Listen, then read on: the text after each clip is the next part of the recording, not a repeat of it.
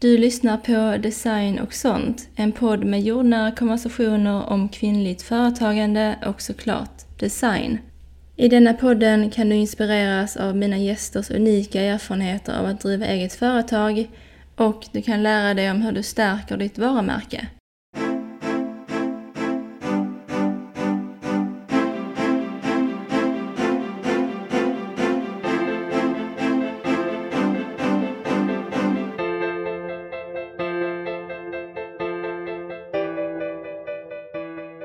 Har du hört talas om Maslows behovspyramid? Det är kort förklarat en teori inom psykologin som handlar om hur människor prioriterar sina behov. Och den här teorin används även inom marknadsförings och eh, reklambranschen. Och i detta avsnittet så ska jag förklara varför och vad du som driver eget kan eh, lära dig av den. Jag kommer även att prata om varför det den senaste tiden har tillkommit två nivåer i pyramiden. Men eh, det kommer jag till lite längre fram. Att förstå människor och psykologin bakom våra beteenden är så viktigt, framför allt som företagare. Jag tycker i alla fall att sånt här är superintressant och kan verkligen gräva ner mig i allt som rör eh, detta med psykologi och ehm, ja, våra beteenden och varför vi gör det vi gör och köper det vi köper.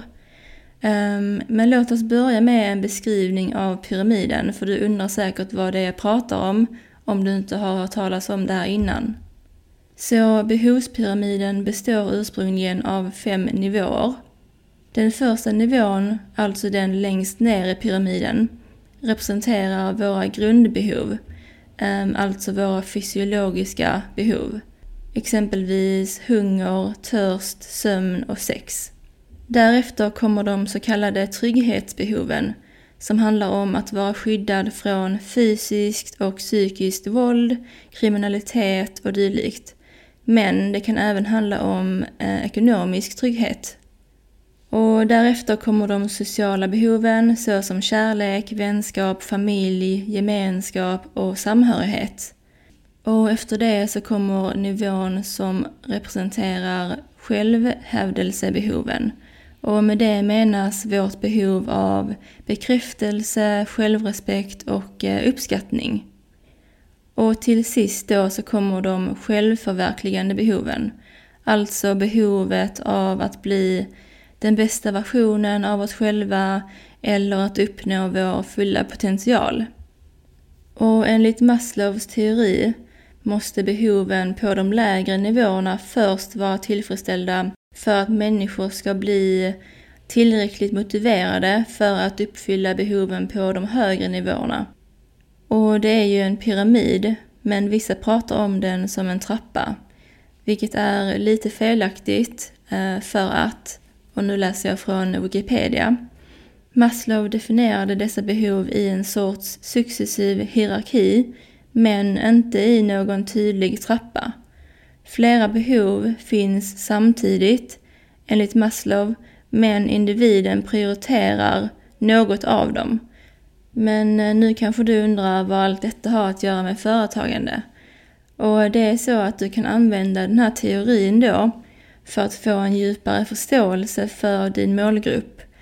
Eh, vilket ju är nyckeln till att få kunder och försäljning men eh, givetvis är det ju så också att människor har olika förutsättningar i livet och olika syn på pengar och hur man bör leva. Jag exempelvis skulle säga att jag är en väldigt praktisk person. Det krävs med andra ord inte så mycket för att jag ska känna att mina grundbehov är ehm, tillgodosedda. Jag eh, lägger väldigt lite pengar på så kallade ytliga saker så som att gå till en salong och få mina naglar eller fransar fixade, smink, träning och så vidare. Det är liksom ingenting som jag just nu i alla fall prioriterar så högt. Men en annan person kanske prioriterar de här sakerna väldigt högt och lägger mycket tid och pengar på detta. Ehm, så vad vi är villiga att betala för saker beror ju helt på vad vi är för typ av personer och hur vi vill leva. Och innan vi djupdyker i detta då så vill jag bara tillägga att eh, behovspyramiden är en, alltså det är bara en teori. Um, och det finns ju givetvis många faktorer som påverkar hur vi lever våra liv och varför vi gör det.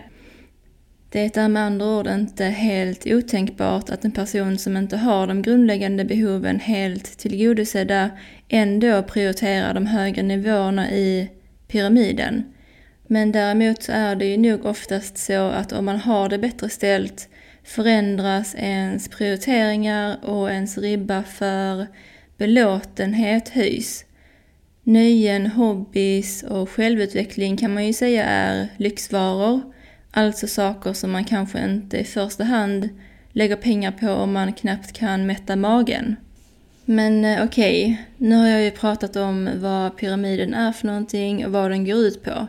Så nu tänker jag djupdyka mer i varför jag överhuvudtaget gör ett avsnitt om detta och ehm, ja, vad vi kan lära oss av den. Det som jag tycker är intressant med den här pyramiden är att den kan ge oss en ökad förståelse för varför vi köper det vi gör och hur vi tänker kring ett köp.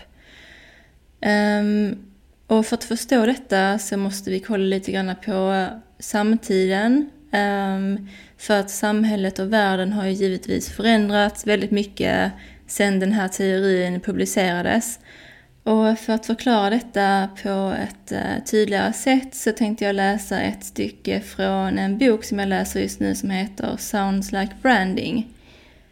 Varumärkenas framväxt och ökade betydelse visar hur väl företagen lyckats utveckla produkter som tillfredsställer allt fler av våra behov och hur de tillsammans med oss som individer klättrar allt högre upp i pyramiden. För hundra år sedan var företagen inriktade på att hjälpa oss med behoven längst ner i pyramiden, att mätta våra magar och släcka vår törst. Därefter utvecklades allt fler produkter anpassade för att tillgodose människans behov av trygghet och uppskattning. De senaste 20 årens explosiva ökning av välstånd och ekonomisk tillväxt i västvärlden har lett till en utveckling av helt nya kategorier av varumärken som istället är inriktade på att tillgodose våra behov i toppen av pyramiden. Maslows behovspyramid har sedan sin tillkomst utökats med ytterligare två nivåer. Kognitiva behov, det vill säga önskan av att förstå och utforska, samt det estetiska behovet av symmetri, ordning och skönhet. Det senare är ett behov som tydligt kan ses i dagens stora designintresse och boom av produkter inom design och heminredning. De behov eller önskningar som varumärkena tillfredsställer på dessa högre nivåer handlar till stor del om identitetsskapande och självförverkligande. I en allt mer individualiserad tid har det vi konsumerar blivit ett sätt för oss att uttrycka vilka vi är. Med andra ord så har de flesta här i stort sett eh, de tre första nivåerna i pyramiden någorlunda tillgodosedda eh, och prioriterar därför de högre nivåerna istället. För att även när vi handlar matvaror så handlar det inte direkt om överlevnad för oss utan vi lägger mycket fokus på att köpa saker som vi egentligen inte behöver för att överleva utan snarare saker som vi känner att vi ja, men känner att vi behöver för att tillgodose andra behov. Um, samma sak gäller kläder. Om vi tar mig som ett exempel. Um, jag har tillräckligt med kläder i min garderob för att hålla mig varm och påklädd året om.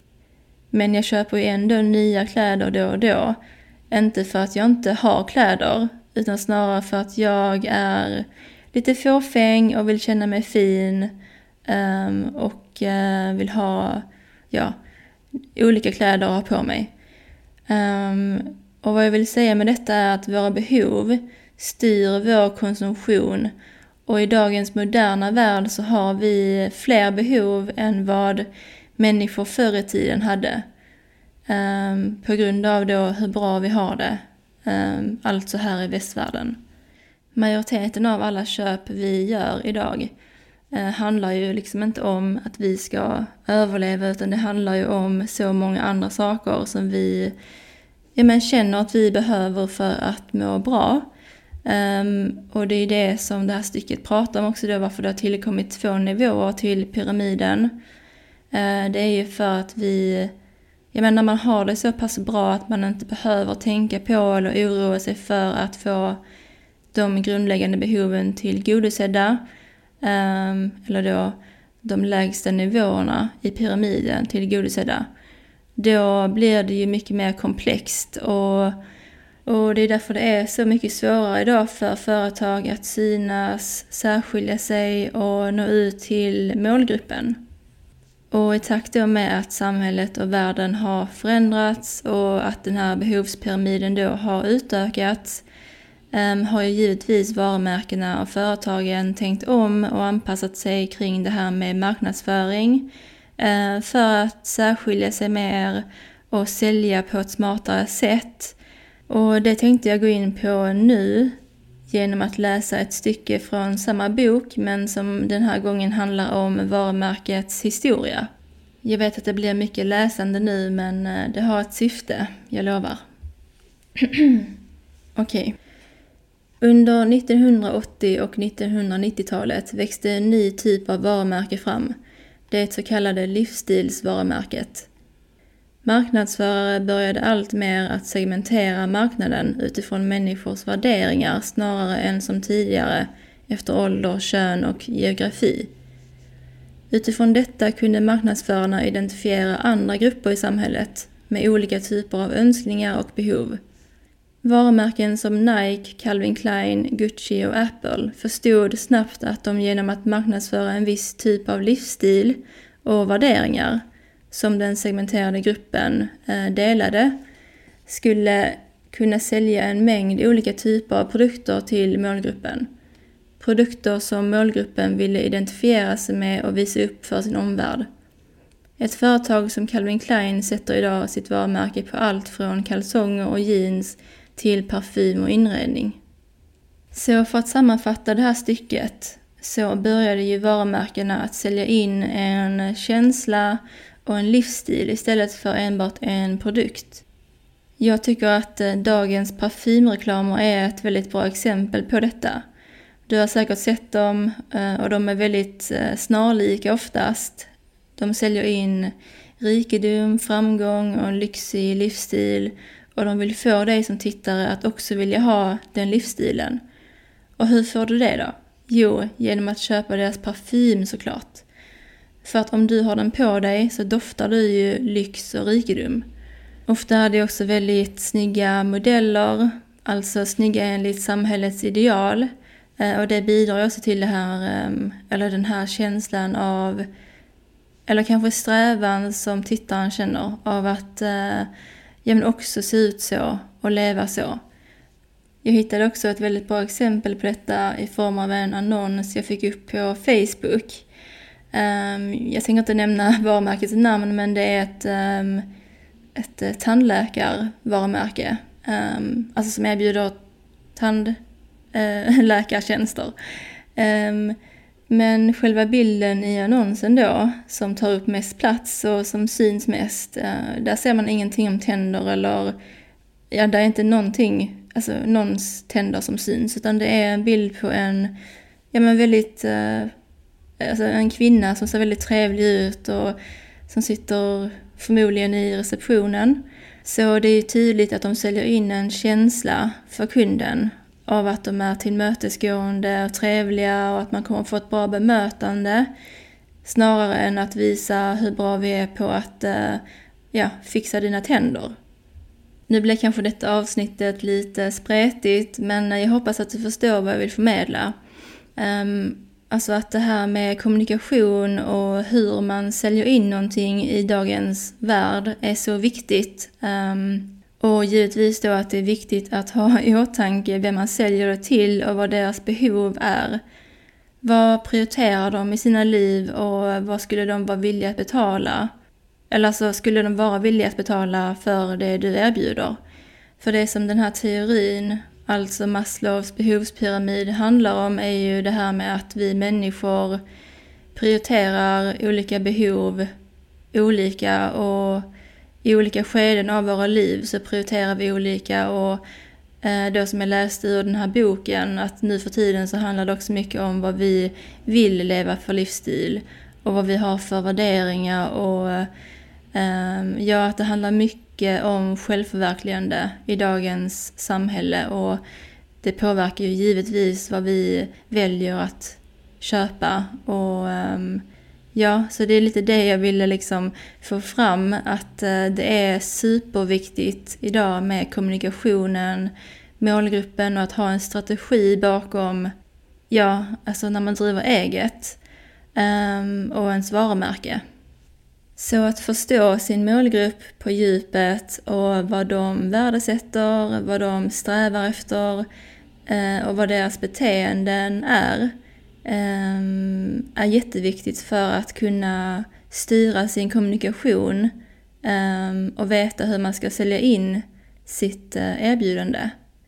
Liksom är din drömkund en väldigt visuell person som värdesätter saker så som design och stil och så, ja då är det ju gynnsamt för dig att investera lite extra pengar i just eh, det visuella kring ditt varumärke så att det verkligen tilltalar din drömkund. Det räcker liksom inte längre idag att bara ha en målgrupp som är baserad på ja, kön, ålder och land. För det säger ju väldigt lite om målgruppen och vem de är.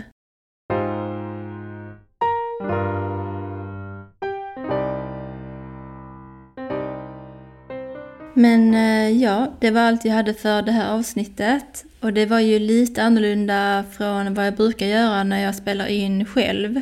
Så ge mig jättegärna feedback kring vad du tyckte om det här konceptet och um, så hoppas jag att du fick med dig någonting värdefullt som du kan använda i ditt företagande och när du kommunicerar ditt uh, erbjudande. Och är det så att du som lyssnar driver eget och gillar den här podden Eh, får du jättegärna följa den på Spotify så missar du aldrig när jag släpper ett nytt avsnitt. Och ge den jättegärna också ett betyg om du tycker att den förtjänar det. Um, ja, så hoppas jag att vi ses i nästa avsnitt.